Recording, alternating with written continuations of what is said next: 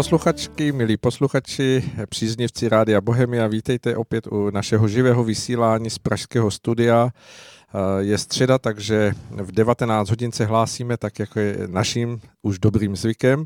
A pokud vám vypadla eh, elektřina nebo připojení internetové během letní bouřky, které se přehání nad českou i moravskou zemí a eh, věřím, Mariane, že i nad Sleskem, vy jste se vrátil, takže věřím, že všichni Dokonce jste... jsem dneska opravdu chviličku byl na tom správném břehu Ostravice, který už je Slesko i když já teda pocházím z moravské části Ostravy, ale, ale byl jsem ve Vratimově a myslím si, že už je to Slesko. No. Tak, takže pokud se prostě už letní počasí u vás umoudřila, můžete nás naživo poslouchat, tak jsme velmi rádi a pokud se nás poslechnete ze záznamu, budeme samozřejmě rádi úplně stejně a pokud budete mít chuť uh, o našem vysílání Eh, sdělit někomu dalšímu, kdo by měl zájem o témata, která rozebíráme, tak budeme velmi rádi.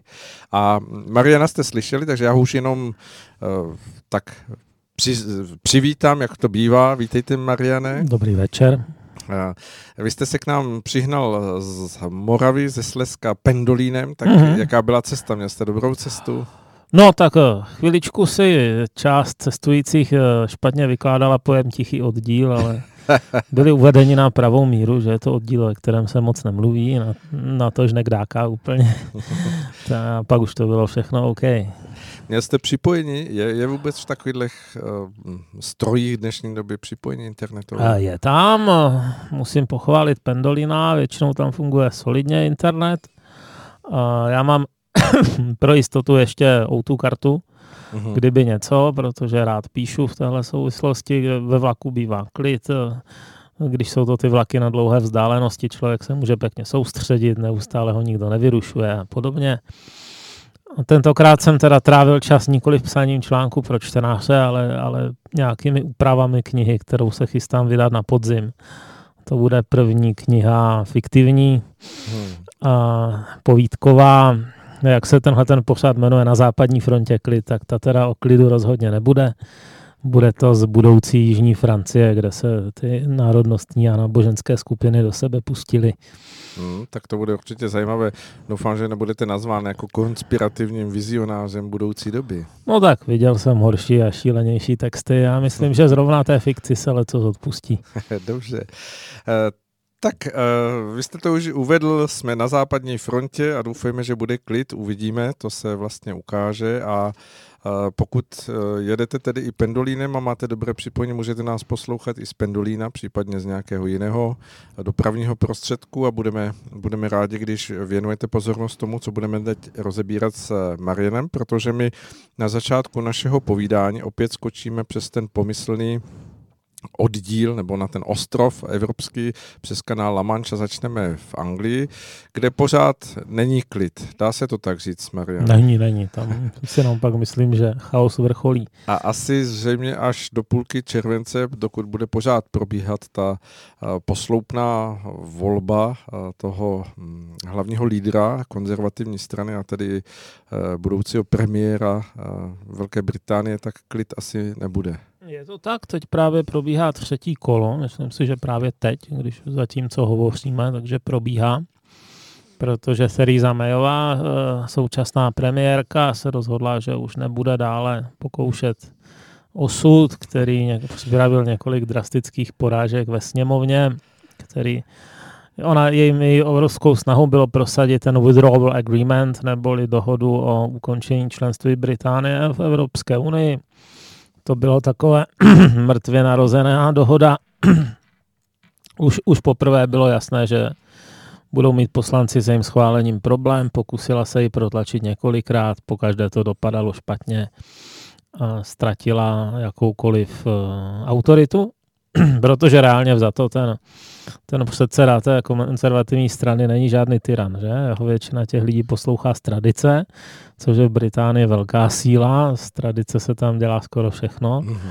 ale když už jednou ztratí tu, řekněme, úctu svých kolegů a ochotu se mu podřídit, no v tomhle případě jí podřídit, tak není moc cest, jakým by mohl uh, prosadit svoji vůli. Mm-hmm. To se stalo s Mayovou, ta nakonec teda, ona je mimořádně houževnatá, ona uh, už dříve byla ministriní vnitra, tehdy prosadila kontroverzní zákony třeba na počtvrté.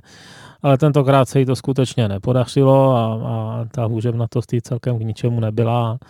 Nějakým způsobem ji navedli, nevím, jak, jak dlouho to trvalo a podobně, ale nakonec ji navedli k tomu, že se rozhodla odstoupit a dále, dále teda eh, neprosazovat svoje myšlenky v čele vlády a v čele konzervativní strany. No a to znamená, že se musí najít nový lídr.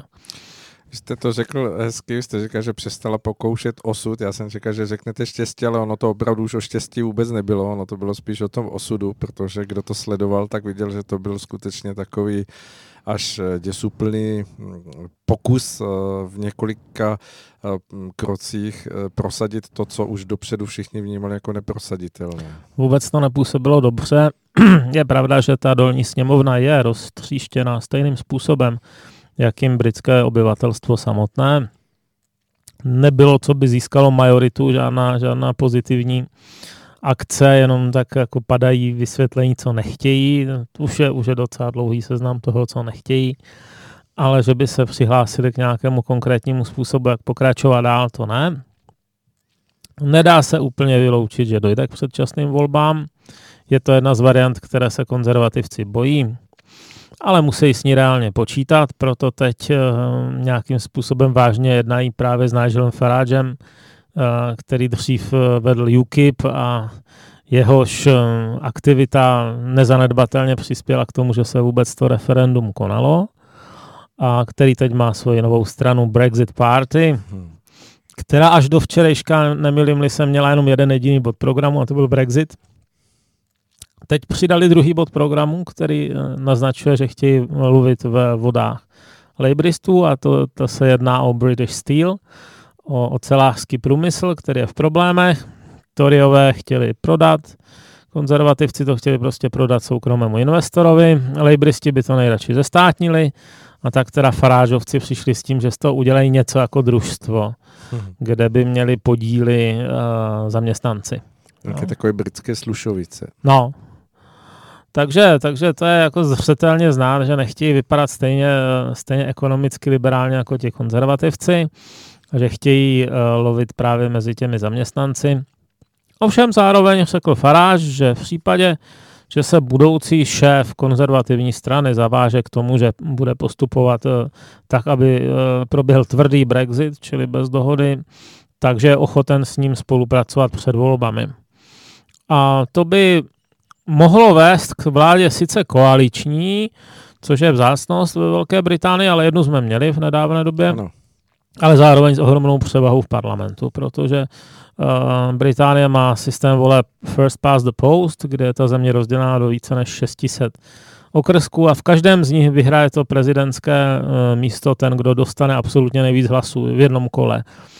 A to znamená, že dejme tomu No, Toryové jsou nejsilnější zdaleka v Anglii. Anglie má zdaleka nejvíc poslanců, ale tam je právě ohrožuje ta Brexit party i na nějakých těch lejbristických předměstích a, a čtvrtích, kde žijou chudší lidé. Takhle by to dohromady opravdu mohli teoreticky dotáhnout na nějakou super majoritu, jo? třeba na 450, 650 nebo něco hmm. takového. Ono tomu dost nahrává i to, že lejbristická strana taky není schopna si určit, eh, o co vlastně usiluje. To se určitě dotkneme, protože ono se často dívá na ten uh, Brexit jako, že to je něco, co potvrzuje pro všechny ty eurofily, že z Evropské unie se uh, vlastně odejít nedá, ale eh, kdo to sleduje trochu pozorně, tak vidí, že tak trochu si to zkomplikovala Británie sama právě těmi tahanicemi na té vnitropolitické scéně, kdy, kdy eh, vlastně ta dohoda prakticky kvůli těm zájmům eh, jakéhosi výhledu voličské poten, volického potenciálu nebo volické podpory v nějakých možných dalších volbách, tak se zkomplikovala došlo, došlo vlastně k, ta, k tomu, že ta neustále trvající patová situace jakoby vyhodila ze sedla Syrizu May. Když se podíváme na ty čtyři, asi čtyři, bych řekl, nejdůležitější strany britské scény, nebo takové ty, které mají, které nevznikly letos, jako Brexit Party, tak uh, u konzervativců je poměrně jasný rozdíl mezi členskou základnou a mezi poslanci. Ta členská základna je drtivé většině pro Brexit, ale tím myslím 80% a víc. A právě před pár dny vyšel výsledek eh, průzkumu veřejného mínění mezi řadovými členy konzervativní strany, kterých asi 150 tisíc, tady sebrali tisíc, jako se většinou dělá. A předkládali jim různé varianty, jako byli byste pro Brexit i, i kdyby se otrhlo Skotsko a byli byste pro Brexit i tehdy, kdyby zanikla konzervativní strana. Jo? A všechny tyhle ty možnosti získali většinu mezi nimi s jednou výjimkou a to, byli byste pro Brexit i tehdy, kdyby se stal prime ministrem Jeremy Corbyn za, za Labour Party. tak to jediné nezískalo majoritu. No. Ale je to docela vážné, protože konzervativní strana je unionistická, to se opravdu jmenuje do Conservative and Union Party, takže správně by měla usilovat o celistvost Spojeného království, nebo to, co z něj zbylo po té, co se otrhlo Irsko. A jestliže členové jsou ochotní dát vale tam s Bohem i Severnímu Jirsku a Skotsku, tak je to znamení řekněme, vážných křečí jo, uvnitř. Ovšem, eh, čím víc víš jdete na tom žebříčku té strany, tím víc přibývá těch remainerů. Jo. Uh, Toryovští poslanci jsou často velmi zadobře s průmyslem, nebo obecně s, s významnými ekonomickými hráči, je to taková trošku srostlá parta.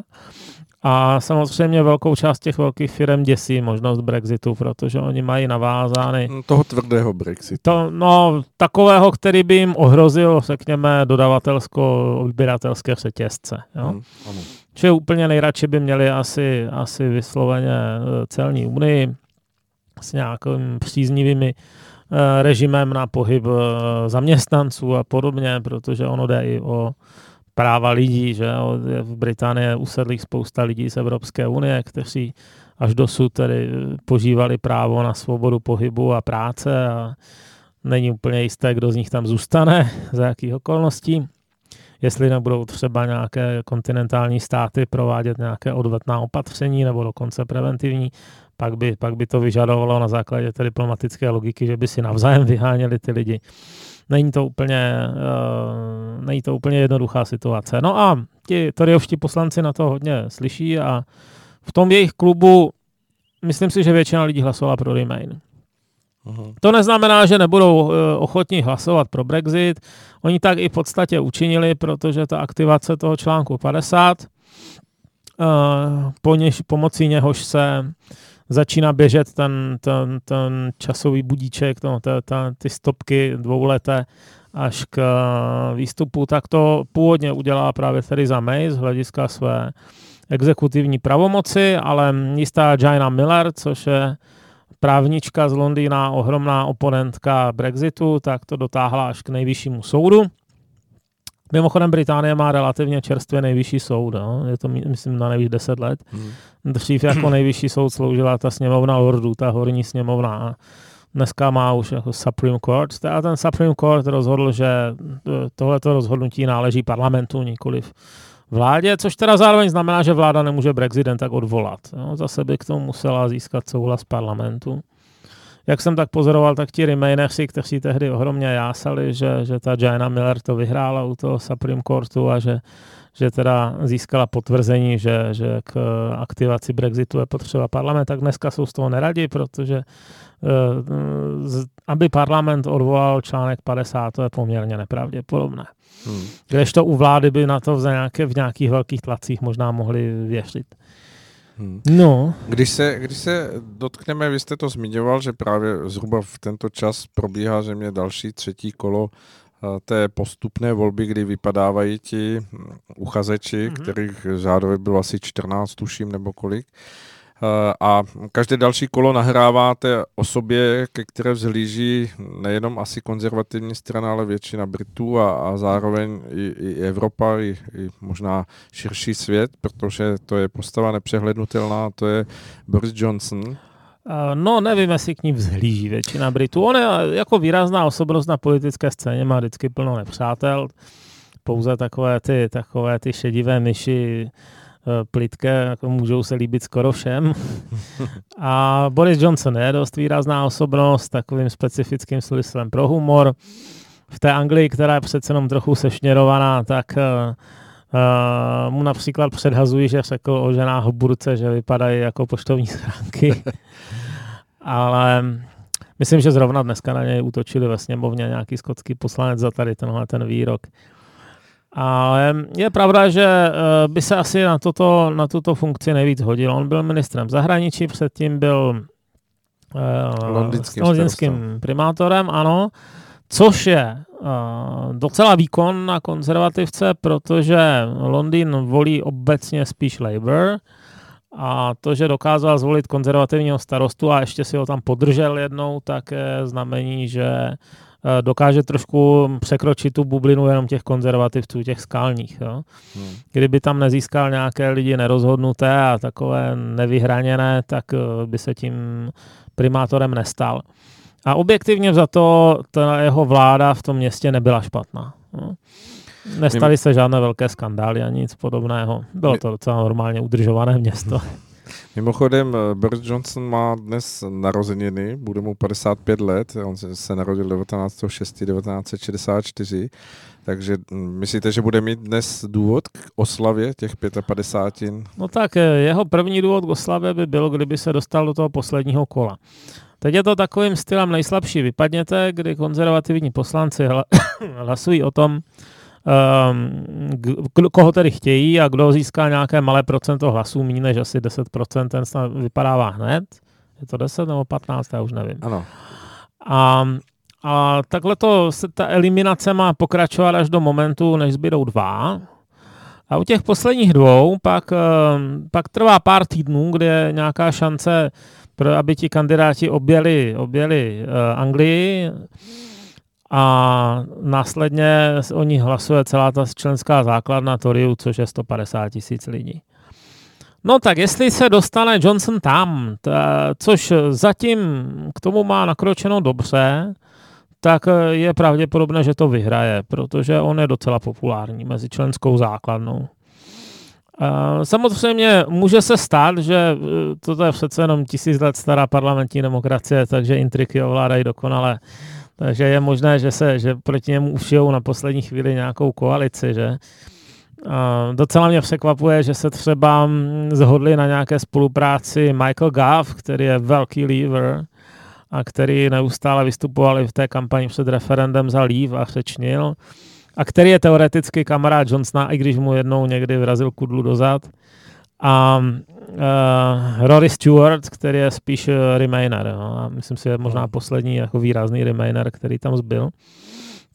Takže jsem zvědav, co tam ještě bude vznikat za takovéhle koalice šité horkou jehlou. Uh, Boris Johnson je bez sporu zajímavá pro, pro mnohé i kontroverzní osoba. On uh, potom uh, vyhratém Brexitu měl takřka na stříbrném podnosu to premiérské místo, vlastně ta, ten post hmm. a on udělal jakousi zvláštní kličku.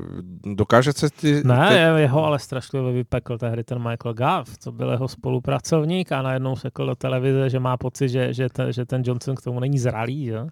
To působilo hrozně trapným dojmem a jak se nám ti angličani dají na dekorum, tak ten Johnson radši hodil ručník do ringu, ale tak o dva roky dál, no tři a je možné, že mu to nějak vrátí. No. tak uh, uvidíme. No, Nepozve ho na čaj. Eh, protože mm, eh, tak, jak se ta volba nějakým způsobem neustále zužuje, tak je možné už i od Borise Johnsona slyšet určité výhledy, jak bude nakládat s tím Brexitem, případně jak, jak by asi postupoval a Eh, samozřejmě to vyvolává takové ty vypuštěné balónky, které, hmm. Eh, kde je očekáváno, jak na to budou ostatní eh, reagovat, nejenom tedy jako ta vnitropolitická scéna, ale třeba i Evropa. Sledujete to nějak? Díváte se Sleduju. na to? A přijde mi trošku zvláštní, že všichni kandidáti právě kromě toho Stewarta, který moc šancí nemá, se tváří, jako kdyby ten agreement šlo přejednat. Jo. Přitom ta Evropská unie už opakovaně prohlásila, že nikoli. Je pravda, že Junckerovi končí období, bude nějaká nová komise, kdo ví, třeba byla ochotná něco přejednat. Myslíte, že se to Ale... potká na podzim právě nějak to zvolení té Evropské komise nové? Osobně si myslím, že ne. Že, že, že já si myslím, že v téhle nové komisi budou hrát uh, roli takový lidi jako Ferhofstadt a ti to, ti to v životě nedovolí, aby Británie odešla jinak než s krvavou tváří. No, nicméně je, je patrné, že zároveň je teda patrné, že ta myšlenka toho hard Brexitu, čili, čili prostě čisté gilotiny, že nabývá na určité popularitě, protože dřív k tomu inklinovalo tak 30% Britů a dneska Dneska už to procento stoupá ke 40, podle toho, jaký člověk zrovna narazí na průzkum, podle toho, jaké jsou tam otázky další, uh, jaké alternativy. Ale je vidět, že ten hard Brexit, který ještě vlastně předtím, než, než, než bylo to uh, referendum, tak um, tehdy se o něm v zásadě nemluvilo. No? Tehdy se říkalo, ale to víte, že určitě zůstaneme ve společném trhu a podobně. Nevím, jestli to dokonce sám Farage řekl, že by bylo šílené odejít ze společného trhu a dneska už, to, dneska už je to taková jako velmi realistická možnost. Jo. Ne, ne, že by to mu fandilo 1%, ale třeba těch 38. No, eh, na této možnosti je těžko odvratitelné právě to, že ona by měla vlastně nastat automaticky. Pokud eh, k nějakému tomu dohodnutému datu nevystoupí Velká Británie ze svazku, ta, eh, se dohodne na ničem jiném, tak se aktivuje tady tenhle ten hard Brexit. Jo? A co by se stalo, kdyby se zase blížilo, protože momentálně je to na Halloween, že? Ano, 31. 31. října, takže co by se stalo, kdyby bylo 27. října a zase nic neměli v ruce, jestli by zase žádali o další prodloužení, jestli by Macron řekl tak tentokrát opravdu naposled, nebo ne, to nevíme. No. Tak Boris Johnson při eh, těch svých určitých eh, vystoupeních, kde odkrývá nějaký svůj plán, jak bude postupovat v případě, že bude zvolený a že se stane premiér-ministrem, eh, tak hovořil o tom, že, že ten hm, datum 31. března je pro něho závazný, že udělá maximum pro to, ať to bude jakákoliv varianta. A zároveň v jakýchsi debatách proběhlo to, že zřejmě vytvoří nějaký duální postup, kdy na jedné straně bude vyjednávat ty bilaterární obchodní vztahy jakoby nezávisle na, tom, na té dohodě no. Evropy a uh, s každým posunem, kdy se mu podaří nějaká tato de, jako dohoda vyjednat, tak bude tlačit na to, že opravdu je silnější a silnější v kramflecích. Vidíte to jako reálné? Je to v podstatě skoro jediná možnost, protože Británie si přece jenom potřebuje zajistit uh, dovozy nějakých věcí, že? Británie není ani potravinově soběstačná, to je hrozně přelidněný ostrov, který není moc úrodný, takže tam se dovážejí potraviny. Je to jeden z důvodů, proč oni si vždycky tak udržovali silnou námořní moc. A kolonie. A, a kolonie, ano, ale dneska můžete kupovat ty věci na tom trhu, to je možná levnější, než někde táhnout z infantérie a masakrovat domorodce. Jo. v tomhle směru se ty, ty strategické rovnice světa dost změnily. Ale uh, ano, Británie dováží potraviny, část jich docela významnou dováží z Evropské unie, asi by nechtěla být vystavena riziku, že to tak nepůjde. Um, to ani nemusí být riziko, jako kdo ví, jak úmyslné, to úplně stačí k tomu, aby se ty, ty nákladáky zasekly při pořádné celní kontrole no a najednou nemáte teda ty proudy eh, toho zboží, jak jste měl. To samé se týká nějakých léčiv, to samé se týká nějakých chemikálí pro průmysl a podobně. Takže eh, jejich, jejich zájmu je, aby měli aspoň předjednáno, na tvrdo to zatím sednat nemůžou, že by to podepsali, ale aspoň předjednáno. Podmínky obchodu, dejme tomu s Indií, z Brazílií. V Brazílii je teď pravicový prezident Bolsonaro, ten by mohl být příznivě nakloněn, že? protože on je taky takový antisystémář. Uh, samozřejmě Trump je asi na straně, jednoznačně na straně hard Brexitu, ale hodný na ně taky nebude, je to obchodník, čili bude se z nich snažit vymoci nějaké ústupky, uvidíme jaké. Asi to zase nebudou příliš kruté ústupky, protože si myslím, že Spojené státy počítají s Británií jako se spojencem vůči Číně. A, a to je příliš cené spojenectví na to, aby se moc ohrožovalo kšefty. Tak to asi se ukáže třeba na postupu jednotnosti mezi mm, Británií ve vztahu k tomu tématu Huawei a podobně. Mm. To, to všechno bude naznačovat, ano, tohle můžeme sledovat. Obchodní strategie bude dostatečně vysoudit, no. propojená. No. Dobře, dejme si krátkou skladbu a budeme pokračovat dál.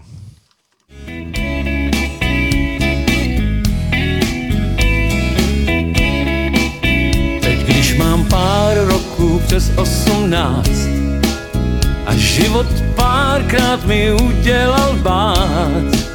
Víš, brouku, není zdrávo tak moc mít rád.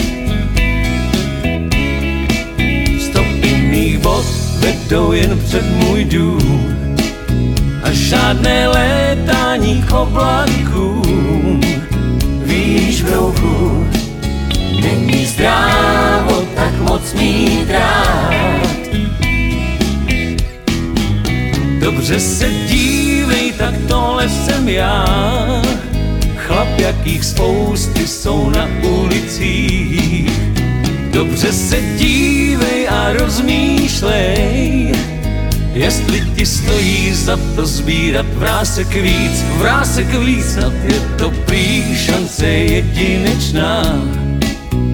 Když se náhodou potkají dva, víš, brouchu, Není zdrávo tak moc mít rád. No, no, no, no, no, no, no, víš, brouku, není zdrávo tak moc mít rád.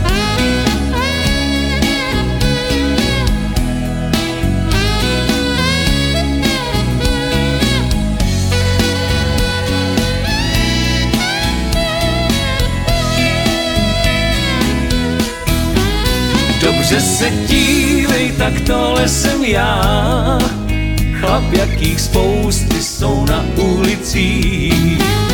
Dobře se dívej a rozmýšlej, jestli ti stojí za to sbírat vrásek víc, vrásek víc, snad je to prý šance jedinečná. Když se náhodou potkají dva, víš, brouchu, Není strávo tak moc mít rád. Víš, brouku, není strávo tak moc mít rád.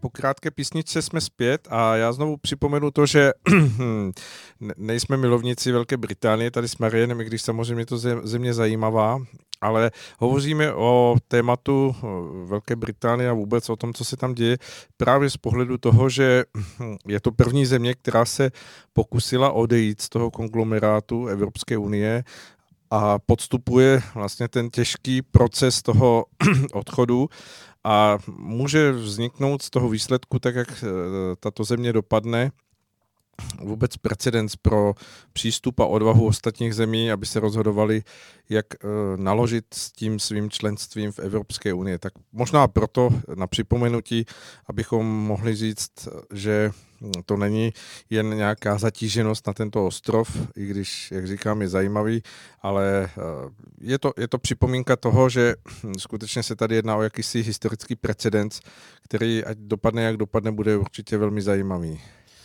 Já mám spoustu aspektů britské kultury rád. Mrzí mě, že se vytrácí skrz ten moderní multikulturalismus, kde třeba Kokny je nahražována tam eh, pakistánsko-bangladešskými novými usedlíky a ta komunita zaniká.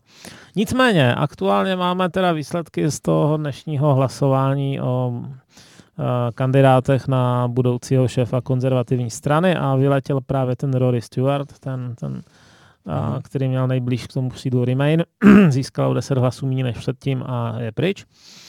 A nejvíc získal Boris Johnson, 143. A jestli to dobře počítám, to, to úplně stejně dohromady získali ti tři zbylí. Jeremy Hunt 54, Michael Goff 51 Sajid Javi 38. Takže, takže je to skutečně teda jako velký Boris. Mhm versus tři, kteří když se spojí, tak mají přesně stejnou podporu. Takže uvidíme, uvidíme. Já si myslím, že to, že, se, že to asi dotáhne do toho posledního kola, no, Boris Johnson. Jak myslíte, že by v této záležitosti mohlo sehrát eh, to obvinění, které se kvůli němu mm, nebo na něho vytáhlo, nebo kvůli kterému je předvolán v jakémsi eh, zvláštním procesu to o bylo tom, strašně obskurní, ne? Že, to... že na jeho autobuse před Brexitem byla jakási částka, o které hovořil Eh, že týdně ztrácí Británie tolik a tolik peněz odvodem do Evropské unie a mohla by je využít ku příkladu na zdravotnictví a jiné věci. Já mám a... pocit, že to bylo úplně eh, frivolní záležitost. Britské právo se vyvíjí kontinuálně od doby Vilema dobyvatele, ne předtím, takže je tam samozřejmě spousta obsoletních věcí, které, dejme tomu, nikdo nezrušil. Můj oblíbený příklad je takzvaný ordál zbraní. Jo? To tady za středověku fungovalo taky.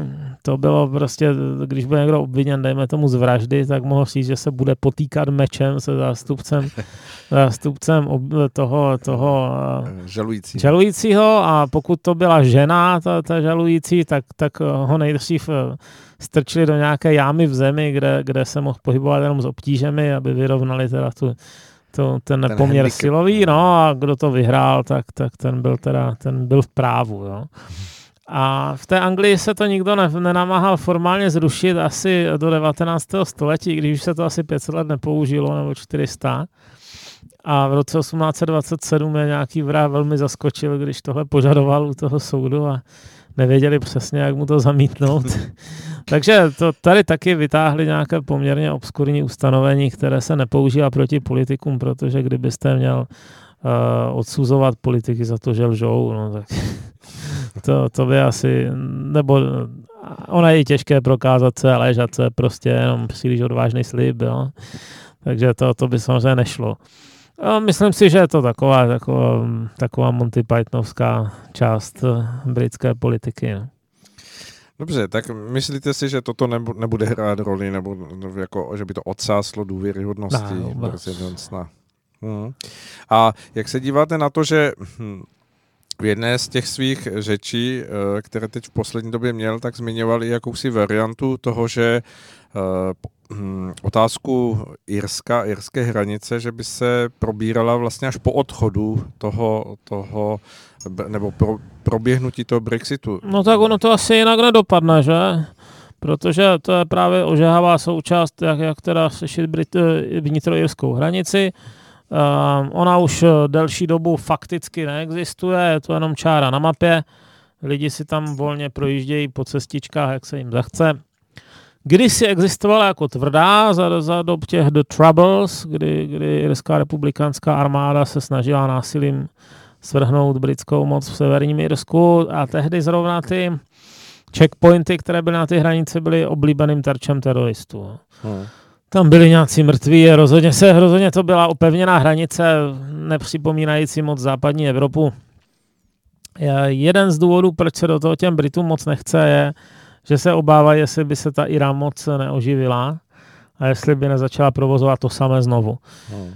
Já si jsme, já spíš typuju, že za tu dobu už ti starší bojovníci přibrali a, a zlenivěli a, a ta mladá generace má ty iPhony a už se jim asi nechce jen tak mordovat. V, ale přece jenom došlo k nějakým útokům. Jo? Už, je, už je, je, je vidět, že nějaký ten militantní republikánský tábor existuje. A, a z toho důvodu, je to jeden z důvodů, proč oni nechtějí tu tvrdou hranici, ale ono to možná jinak nepůjde. Pokud se Severním Irsku jako součástí Spojeného království začnou platit jiné regulace ohledně trhu než, než v Irsku, v republice, tak eh, by se z toho stala pašerácká hranice světa, jak jistě hmm. víme, na rozdíl od, eh, řekněme, obyvatel člunů u libijského pobřeží, tak nějaké teploměry a tak, to se pašovat nesmí. Že? takže, takže tam by, tam by byla jenom otázka, kdo by první tu hranici opevnil. A tam ta nabízené řešení ze strany EU, na které kývla při vyjednávání právě Theresa May, a to byla jedna z věcí, která otrávila tu dohodu tak, že, že, že ji nejsou schopni přijmout ti poslanci, je ten backstop, čili podle kterého by vlastně Severní Irsko fungovalo ve stejném režimu jako Irsko. a uh, skutečná celní hranice by byla v tom moři. Hmm. Mezi, mezi hlavním britským ostrovem a mezi Irskem. A to je pro spoustu konzervativců nepřijatelné, protože ono by se tímto Severní Irsko začalo odpoutávat i logisticky od Británie. A tam bývala kdysi velice spolehlivá pro unijní majorita, ale to už dneska není, protože to je katoličtí Irové, kteří je v Alstru pořád docela dost, mají více dětí. Momentálně to bude opravdu něco jako 52 ku 48. A ono by jednoho dne mohlo dojít i k vypsání nějakého referenda a k znovu sjednocení. Jo? Nebo to k tomu, že by Irská republika a Severní Irsko se spojily. A to je něco, co konzervativcům moc nesedí. Takže nechtějí takovouhle smlouvu přijmout. No, s tím backstopem.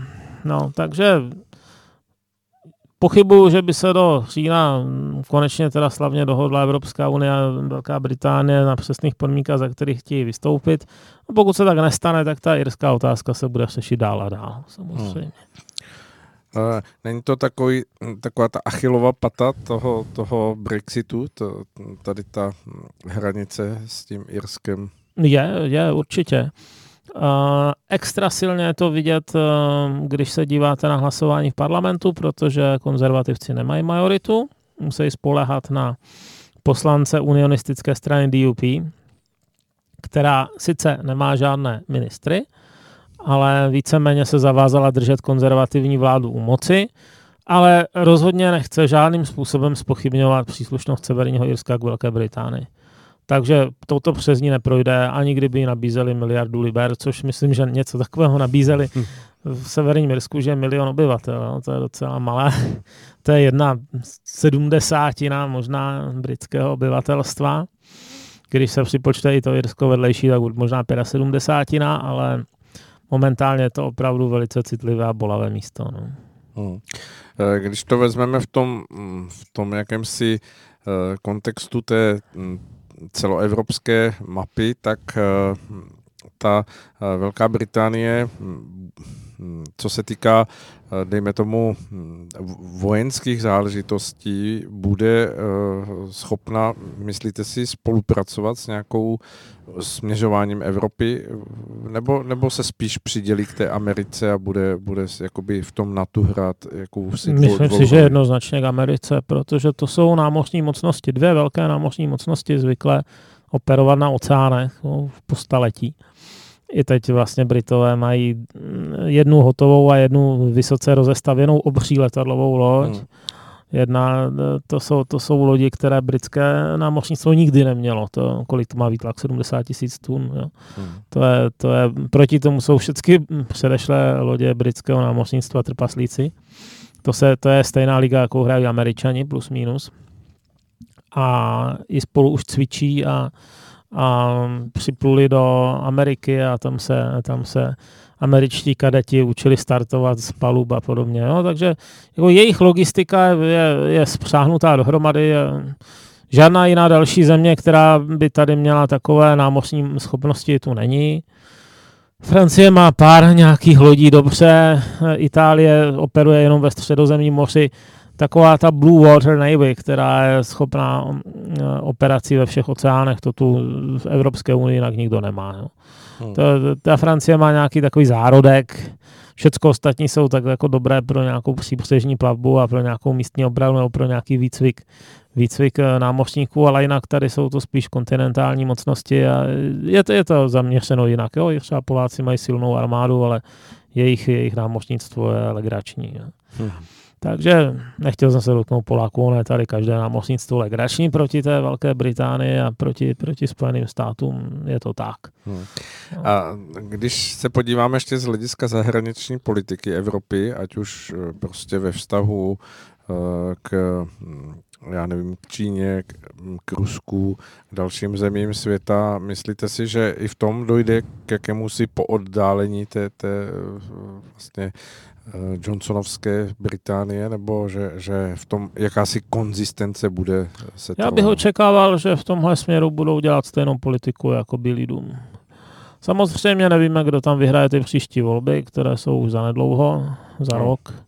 Už, něco. Začala, už začala, vlastně už, začala ano, už se začalo hledání dalších kandidátů.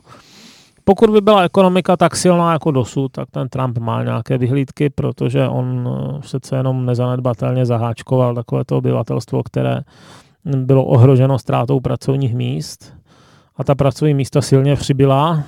Mm-hmm. Momentálně snad rekordní zaměstnanost od roku 1960 nebo něco mm-hmm. takového. Eh, týká se to i, i skupin jako jsou Černoši, kteří nikdy nebyli na republikány nějak naladění v moderních, v moderních dějinách, nemyslím teď někdy těsně po konci občanské války, ale v moderních dějinách a kteří dokonce začínají vyjadřovat podporu Trumpovi třeba z 30%, což, bylo, co je neslíchané, to většinou bývalo třeba 5 až 10 jo, u republikánských kandidátů.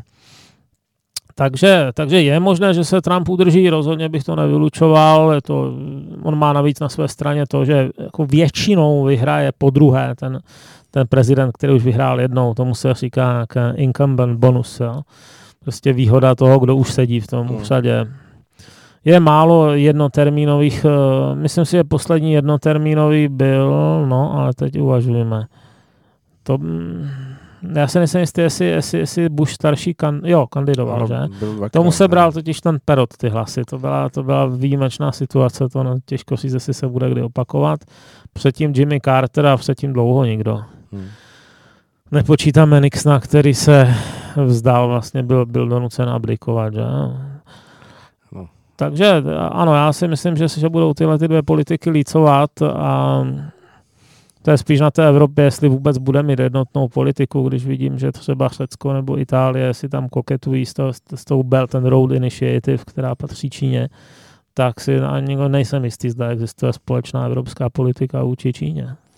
My jsme to tady už zmiňovali, eh, tuším, ro, rok na zpátek, možná i déle, eh, v tom kontextu toho, že ve výsledku nakonec, ač to teď může vypadat tak, eh, že, že ta Británie se nějakým způsobem noží do, do nějakých problémů a nedaří se jí ten Brexit, ale eh, jako do, dokončit, ale že, že nakonec proti té Evropě eh, přeci jenom to bude jako pevné místo toho určitého nějakého hm, mezinárodního hráče a že ta Evropa právě, jak vy zmiňujete, v té vlastní oslabenosti a nekompaktnosti bude ztrácet.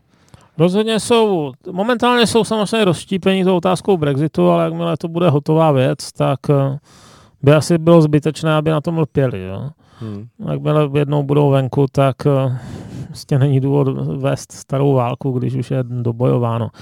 Jediné, co by se mohlo stát, co se nedá vyloučit, je, že by, dejme tomu, skotové začali usilovat vážně o nezávislost. Hmm. A oni, nezanedbatelná část skotů by na to nálady měla, mezi těmi, v těch průzkumech veřejného mínění se to pohybuje mezi 40 a 50 procenty, čili Nedá se vyloučit, že by takové druhé referendum dopadlo, dopadlo pro nezávislost Skotská. Jiná věc je, že ten Westminster jim to asi oficiálně nedovolí, protože tohle je zrovna prerogative, to je jedna z těch věcí, které jsou stále ještě v eh, parlamentu Spojeného království, které nebyly devolvovány takzvaně do toho skotského parlamentu, čili skotové si nemůžou rozhodnout sami o, o legálním referendu v tomhle směru. A pak je další věc, že přece jenom to Skotsko je dost ekonomicky srostlé se, s zbytkem Spojeného království. Jo? Oni, ta, ta unie vznikla v roce 1707, tím myslím teda ta, ta unie království, nikoliv jenom unie, unie královských rodů nebo, nebo personální unie, ale unie taková, že mají stejné zákony že, že, že vůči sobě odbourali cla a podobně. No to je doba, kdy v roce 1707 byl New York takové jako menší dřevěná osada. Jo. Takže z velikosti ani ne Kralup nad Vltavou. Takže to je opravdu strašně dlouho, 12 generací se růstají ty, ty národy. Kdyby tam měla vzniknout tvrdá hranice, no to, to si myslím, že by skotské ekonomiku úplně zničilo. Hmm. No, to, myslím, že jejich hlavní partner z hlediska, když se začne počítat partneři obchodní jako Anglie, takže oni mají přes 60% obchodu z Anglií. Hmm. Takže, takže nebyl by života schopný ten národ, upřímně. Jo? Oni i teď mají, nehospodaří moc dobře, je to takové Řecko severu, mají skoro 8% HDP deficit, dorovnává jim to Westminster, Kdyby, dejme tomu, vyhlásili nezávislost a vstoupili do Evropské unie, tak by byli okamžitě na hranici bankrotu. Uh, myslím si, že i ta Evropská unie by si měla případně rozmyslet takového nového člena, který by okamžitě vyžadoval finanční záchranu. Hmm. Uh, v, té, v tom kontextu, jak se to všechno zatím vyvíjelo, co vlastně v těch postupech rozhodování Velké Británie a hm, jakési kolísavosti, roztřištěnosti, tak se e, vytvořil jakýsi hm, náhled na to, že, že u mnohých zemí a u mnohých lidí, e, že, kteří uvažovali o tom, jestli by nestálo za to následovat tu Velkou Británii a hovořilo se o Chexitu a dalších zemích, a vlastně ty problémy vyvolaly to, že mnoho lidí ustoupilo z toho teď hovoří do určité míry, zůstaňme v Evropské unii, ale, ale zkusme ji reformovat, zkusme ji někam posunout. Myslíte si, že když odejde ta Británie, skutečně se to podaří, ať už to bude bolet, jak to bude bolet Británii, že se zase změní tedy ten pohled eh, a lidé budou více hledět na to, že, že je možné z Evropské unie odejít? No tak bezprostředně po tom hlasování to byl takový politický hit, že a pak se lidi trošku chytají, eh, jako kdyby to byl hit píse, písničkový, jo, jak vyšlo nějaké despacito, tak začali všichni nosit kostkované košile, ale taky to nevydrží tři roky. A teď si myslím, že zavládla teda opatrnost, bude potřeba posoudit po tom Brexitu tak jako 5 až 7 let, jo, jak vypadá Británie, ale já si osobně nemyslím, že by ta Británie um, jako dokázala vážně někoho inspirovat. Spíš si myslím, že, že k takovému jevu jako vážně míněným úvahám o exitu další země by vedla buď nějaké velké zásadní problémy eura jako měny, což by se mohlo stát, Teď jsem nedávno psal o takovém italském plánu, možná se k němu ještě pár slovy dostaneme. Určitě, zmíníme ho, ano. Nebo, dejme tomu, kdyby, kdyby se opravdu uh, Německo a okolí rozhodlo jít tvrdě zelenou cestou a, a začalo rozkazovat ostatním, že mají vypínat své jaderné elektrárny a, a jezdit na kole a kde si co si. To by, to by uh, vedlo k velkým otřesům, protože zrovna ten německý hospodářský zázrak, který v současné době už asi takový zázrak není, tak je hodně založen na automobilovém průmyslu. A jeho případná demontáž by, ta, zrovna v České republice by to znamenalo ohromnou ekonomickou potíž. Hmm. Ano, vy to říkáte vlastně poslední výsledky eh, jakýchsi výhledů ek- eh, ekonomie Německa, tak ty se hodně propadly a vypadají hodně skepticky. Letošek nebude dobrý, no. To bude nějaká taková stagnace s mírně kladným znamínkem v nejlepším případě. Hmm. 0,4, dejme tomu. No.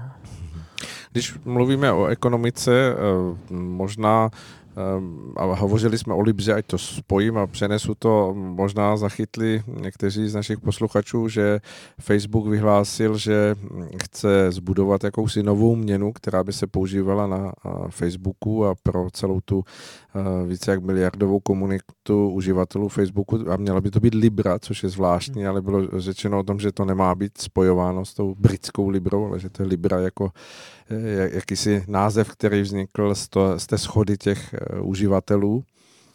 Divím se, že se to na jeden špicl. to by tak víc sedělo k jejich aktivitám, no. možná, možná to zase vynese jakousi, jakési synonymum, uvidíme. No ale eh, když hovoříme o těch nových alternativních měnách, tak vy jste to před naším vysíláním zmiňoval, že v Itálii se vážně zvažuje jakási varianta Eh, nebo op, hm, alternativa eh, euru, tak pojďme to zmínit, jak se to jmenuje, co by to mělo, jak by to je mělo je to fungovat. Tak, je, to, je to myšlenka, která už padla před rokem. Poprvé. Jednalo by se o zvláštní druh dlužních úpisů. Nutno říct, že to tam není bez, bez kontroverze. Jo? Zrovna třeba ministr financí Tria se proti tomu staví. Stejně jako prezident Mattarella. Takže je to spíš zatím tak jako ve fázi eh, nějakého parlamentního uvažování plus tím, že plus toho, že někteří jedinci z legitim vyhrožují. O co by šlo? Uh, měna má dneska, nemá dneska žádný zlatý základ a podobně. To už jsou, jsou časy minulosti. Dneska víceméně je podpořena důvěrou obyvatelstva. No. K tomu, aby, aby lidi Existuje něco, čemu se říká Greshamův zákon. To je, to je takové tvrzení, to všiml si nějaký anglický, anglický bankéř, že když eh, obíhají dva druhy měn, no, horší a lepší, takže ta horší je čím dál všude přítomnější a tu lepší si lidi syslí. Mm-hmm. Jo, tak říká je do štrozoku, nebo jak se to říká na Valachách.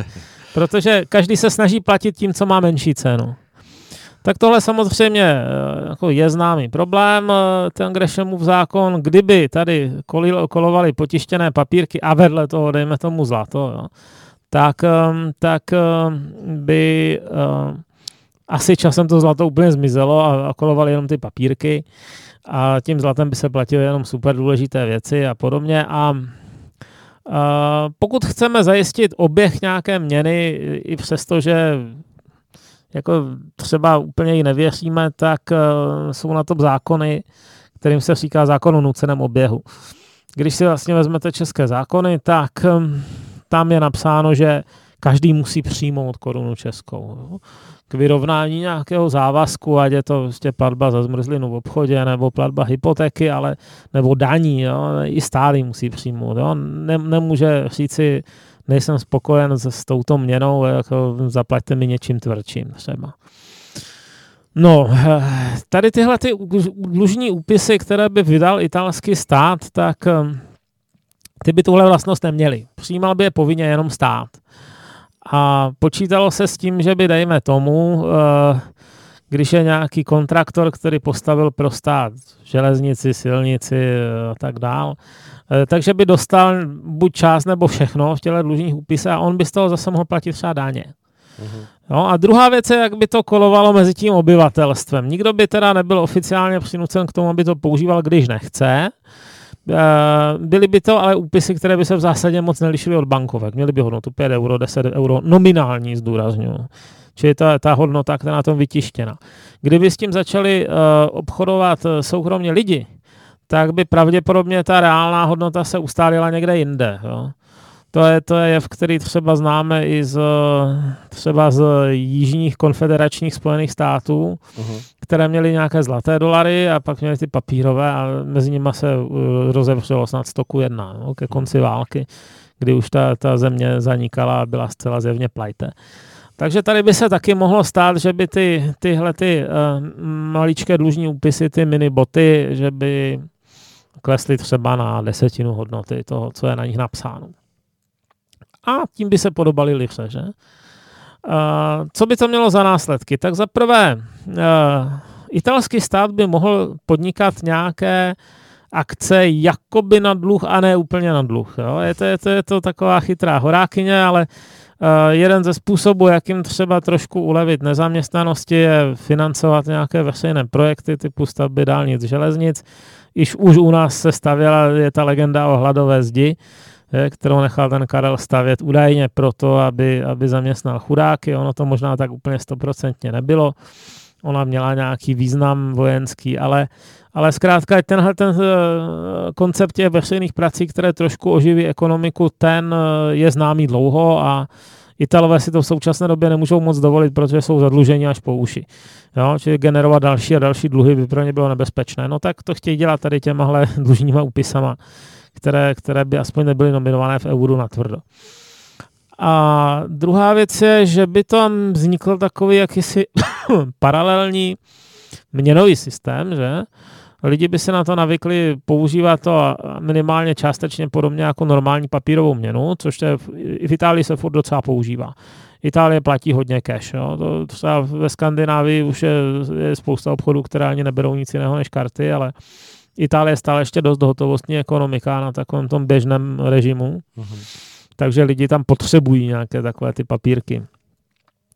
No a v téhle situaci by jako teoreticky jednoho dne bylo možné, že by, že by nějakci dostatečně zbouření italští ministři se dohodli a začali, označili to za novou liru a vystoupili z eura přes noc. Jo? Existovala by infrastruktura, která by takovýhle náhlý skok umožňovala. Hmm, to, že by z toho bylo pak dalších tisíc jiných problémů z takového Italexitu, to, to už je druhá věc, ale existovala by ta infrastruktura. On svého času něco takového navrhoval ten známý rebelský ekonom Janis Varoufakis v Řecku, ale tehdy z toho ten Cypras dostal nějaká studená záda. Hm. Na poslední chvíli mu řekl, že radši ne, že teda jako zůstanou v tom euru za každou cenu. Samozřejmě Řecko je malé, Řecko se dá daleko s nás eh, potrestat než Itálie, která je třetí největší ekonomikou v eurozóně. Že? To jsem se k tomu chtěl vás, Mariane, zeptat, jak, eh, jaké jsou signály, jak by k tomu přistupovala Evropská unie nebo centrální no to, banka To víte, Evropská. že jsou určitě tomu negativní. Jo? No, to víte, že se jim to nelíbí, takovéhle hrátky. Já si teda nemyslím, že by, že by Itálie bezprostředně vystupovala z eura. Ona je ku podivu si výzkumy veřejného mínění mezi lidma pořád ještě dost populární. Hmm. Rozhodně víc než u nás. Ale uh, ona i ta hrozba stačí, protože přece jenom uh, ty jižní státy mají ohromný problém s nekonkurenceschopností v rámci eurozóny a, a jako správným, no správným. Uh, ona je to taková napůl dopečená unie. Na jednu stranu má jednotné, jednotnou měnu, ale nemá jednotnou třeba sociální politiku. Uh-huh. Jo, a neexistuje nějaké, hm, řekněme, převádění peněz od silnějších k slabším členům toho celku. Když máte Německo nebo Ameriku jako federace, které platili jednou měnou, platí, tak tam eh, ty nejsilnější státy typu New York a Kalifornie nebo, nebo Bavorsko a, a Hamburg vyberou docela dost peněz na daních a ono se to do nějaké míry převádí do těch slabších států, jako je Sasko, Anhaltsko nebo tam nějaká Minnesota, ještě Minnesota jde, ale takové Mississippi, jo, to, je, to je tak trošku Afrika v, v, v USA. Takže tohle to aspoň trochu zajišťuje konkurenceschopnost těm slabším regionům.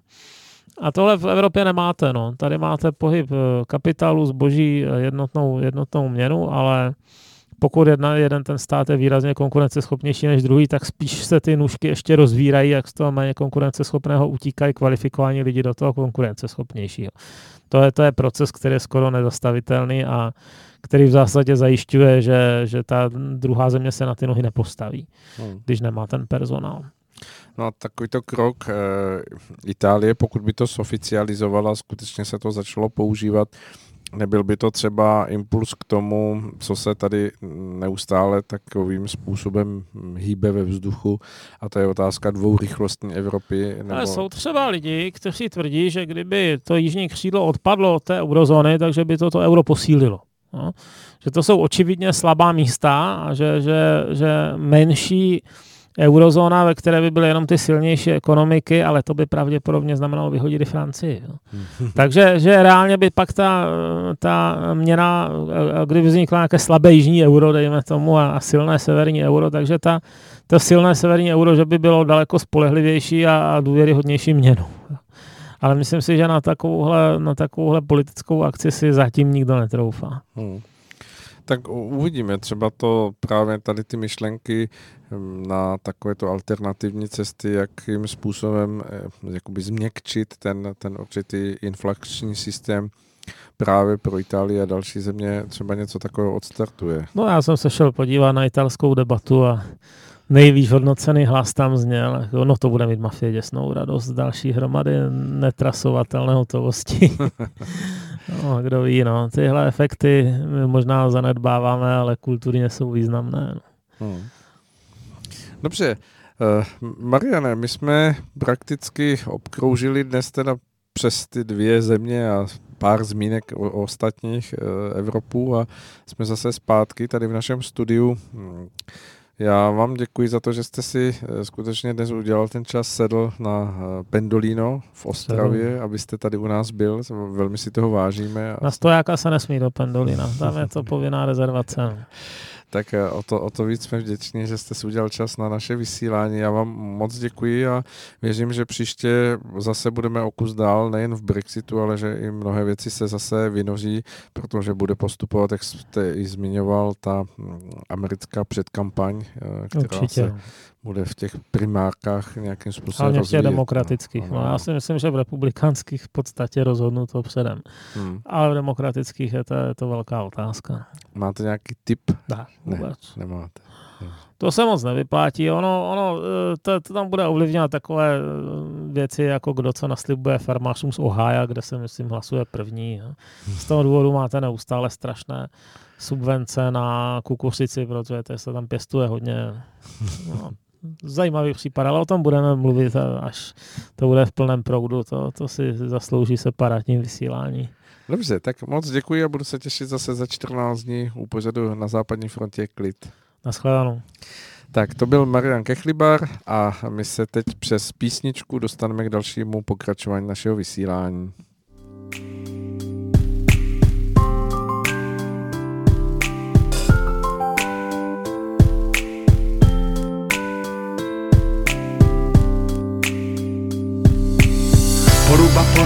Plná malých pionýrů, poruba po ránu je plná malých pionýrů, poruba po ránu je plná malých pionýrů.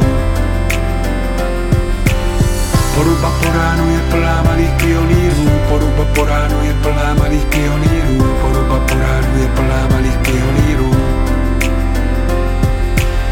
Tady to bylo, kde jsem poprvé ji viděl, tady to bylo, kde jsem poprvé se styděl,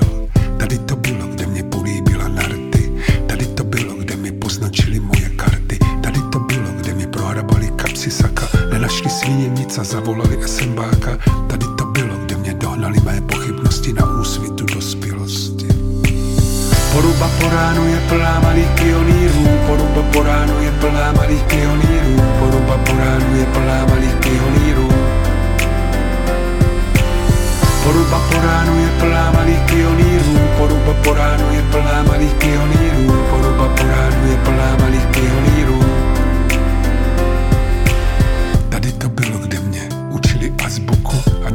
Nábřeží skřívan mi na ruku. A dřív než odletěl, tak mrkl na mě spiklenecky. Tady to bylo, kde jsem přečetl knížky všecky. Tady to bylo, kde mi uvázali šátek a já měl ruce otlačené od mávátek a žluté lampiony svítily jak bludičky a vedly do chaloupky kouzelné babičky. Poruba po ránu je plná malých pionýrů, poruba po ránu je plná malých pionýrů, poruba po ránu je plná malých pionýrů.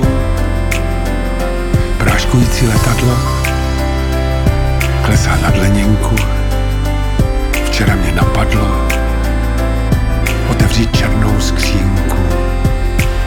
Všechno, co najdeš ve své paměti, je vyzobané zrní ptáků, kteří v zimě odletí, na jaře se vrací na horní dvůr, sednout si na klepáč a poslechnout si náhrobní kámen v D-dur. Tady to bylo.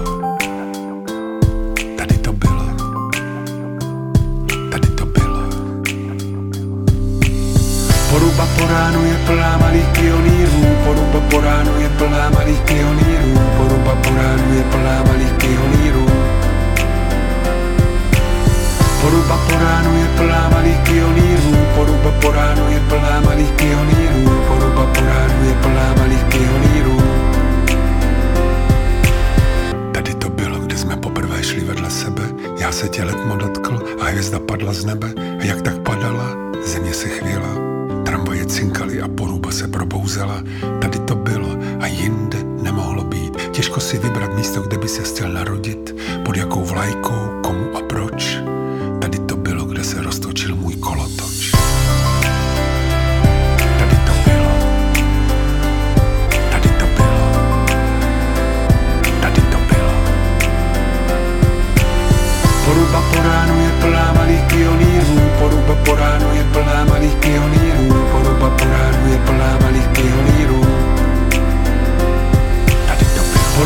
porano yapılamar iki oniru Porumba porano yapılamar iki oniru Porumba porano yapılamar